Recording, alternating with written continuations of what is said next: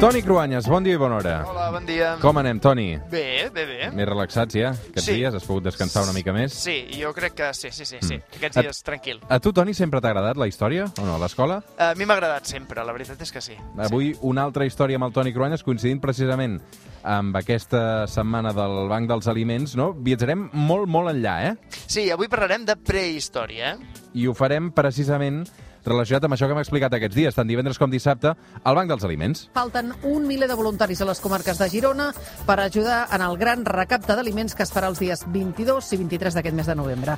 Des del Banc Divendres i dissabte s'ha fet aquest gran recapte, comença a fer fred, s'acosta l'hivern, s'acosta el Nadal, la demanda de menjar de productes bàsics torna a ser notícia. Almenys ens serveix pel més important, que és recordar a la gent que pateix d'aquesta necessitat bàsica. Tothom hi està ajudant, tothom hi contribueix amb, amb uh, oli, conserves, pots de llet, eh? és el que s'ha demanat aquests dies per part del Banc dels Aliments. Però amb el Cruanyes avui mirarem una mica més enllà. Sí, la setmana del gran recapte pels aliments proposo que anem molt més enllà, de fet. En concret, 790.000 anys enrere, per buscar l'origen dels aliments, d'allò que mengem, una cosa tan fàcil, tan bàsica, la donem per descomptada. Avui explicarem la història dels aliments.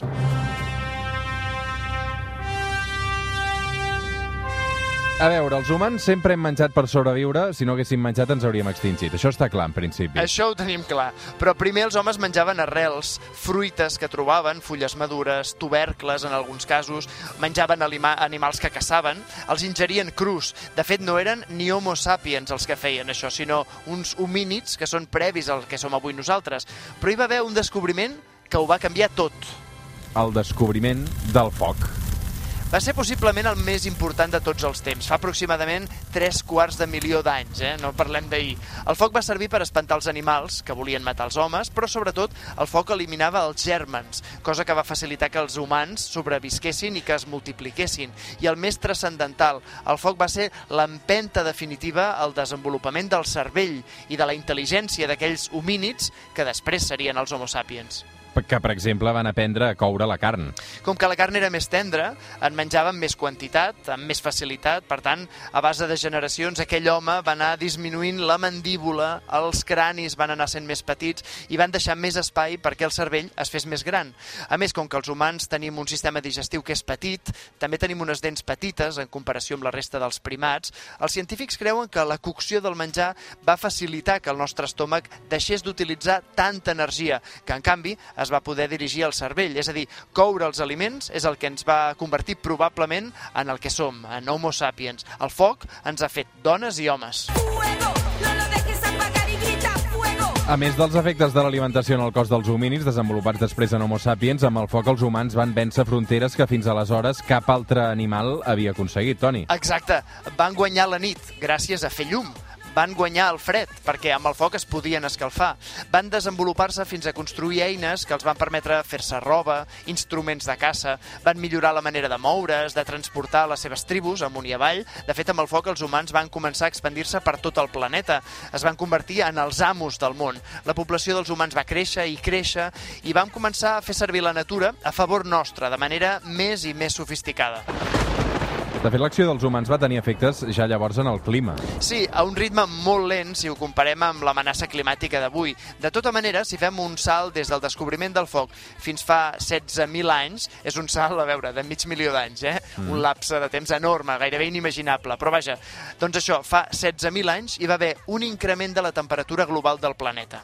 Això va provocar desglassos i va canviar la forma d'una part del planeta. Sí, per exemple, va generar els dos rius nous al Pròxim Orient, el Tigris i l'Eufrates, al voltant del que avui és Turquia, Síria i l'Iraq, i enmig d'aquests dos rius, del Tigris i l'Eufrates, es va crear una regió gran, anomenada pels historiadors com el creixent fèrtil, i allà és on se situa un altre pas gegant per la humanitat i per la història dels aliments, la revolució agrícola. Es van inventar l'agricultura perquè fins aleshores els homes i les dones vivien de la cacera i de recol·lectar fruites i arrels que trobaven. Els homo sapiens que creiem que havien sortit d'Àfrica i s'havien traslladat al Pròxim Orient buscant un clima propici i sobretot nous terrenys terrenys per explorar, van trobar-se amb aquesta terra fèrtil, que els oferia en principi grans que podien recol·lectar en gran quantitat. Per força, algú va fer un exercici que ningú havia pensat abans. Devia preguntar-se com és que el gra, el, el blat, les plantes surten de la terra. Se li va acudir a algú una cosa tan senzilla com deixar unes llavors a terra o fins i tot enterrar-les i esperar a veure què passava. Un petit pas per una persona, però un gran pas per tota la humanitat. I això, després d'esperar que plogués i a veure què passava. Mm, Va esperar que passessin les setmanes o els mesos i adonar-se de la lògica que avui tots sabem, el procés de la llavor, el fruit, la base de l'agricultura, no? Clar, d'aquí va venir que fossin capaços de triar les millors llavors, de plantar-les en millors condicions, d'organitzar-se per tenir una producció que fos prou important com per saciar-los durant tot l'any. La revolució agrícola va ser l'inici de pràcticament tot el que avui coneixem. No només dels aliments, eh, sinó també de com ens hem organitzat la vida. Els homes i les dones vam deixar de ser nòmades, vam començar a viure en assentaments, en pobles, en ciutats. La sofisticació de la vida en comunitat va generar els grans descobriments i avenços des de l'escriptura, la religió jerarquitzada, l'arquitectura, les arts en generals. Es van crear les bases de la vida en societat tal com avui les coneixem.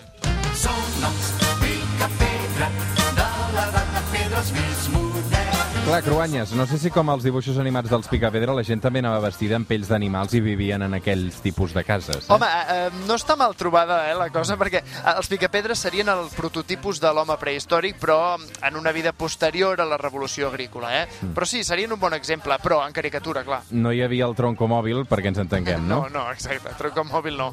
Com dèiem, entre els rius Tigris i Eufrates van néixer les primeres grans civilitzacions. Mesopotàmia, que vol dir això, la terra entre dos rius, i Babilònia, la ciutat del riu, que al costat d'Egipte, també el riu Nil, van ser el bressol de la nostra civilització. I, I què tenen en comú aquestes primeres societats? Doncs sobretot que es van establir prop dels rius. Cal dir que el que anomenem la revolució agrícola va durar 5.000 anys, eh? per tant Mm. és una evolució molt llarga, una revolució de 5.000 anys. També val, dir, val a dir que es va desenvolupar més o menys simultàniament a llocs tan diferents com a la Xina o a Amèrica del Sud. De fet, és possiblement la revolució en majúscules la més important de tota la història de la humanitat perquè eh, va durar tant de temps i segurament és més important que la revolució industrial o la tecnològica dels nostres dies, eh, Toni? Sí, eh, perquè l'agricultura segurament és el primer exemple de com les persones som capaces de donar forma a la terra i no només reaccionar al que ens ofereix la natura.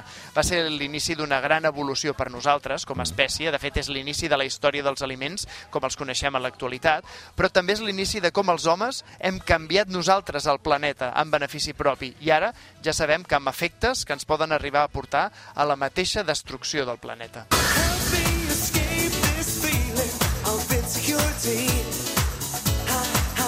Avui arribarem fins les 9 del matí amb aquesta proposta musical del Cruanyes. A veure, Toni, això què és? Eh? Avui que hem parlat d'agricultura, però també de, del descobriment del foc, doncs us proposo Relight My Fire. No coneixes tu els Take sí, That? però això està agafat amb pinces, eh, aquesta relació que em Bueno, fas. és de la meva època.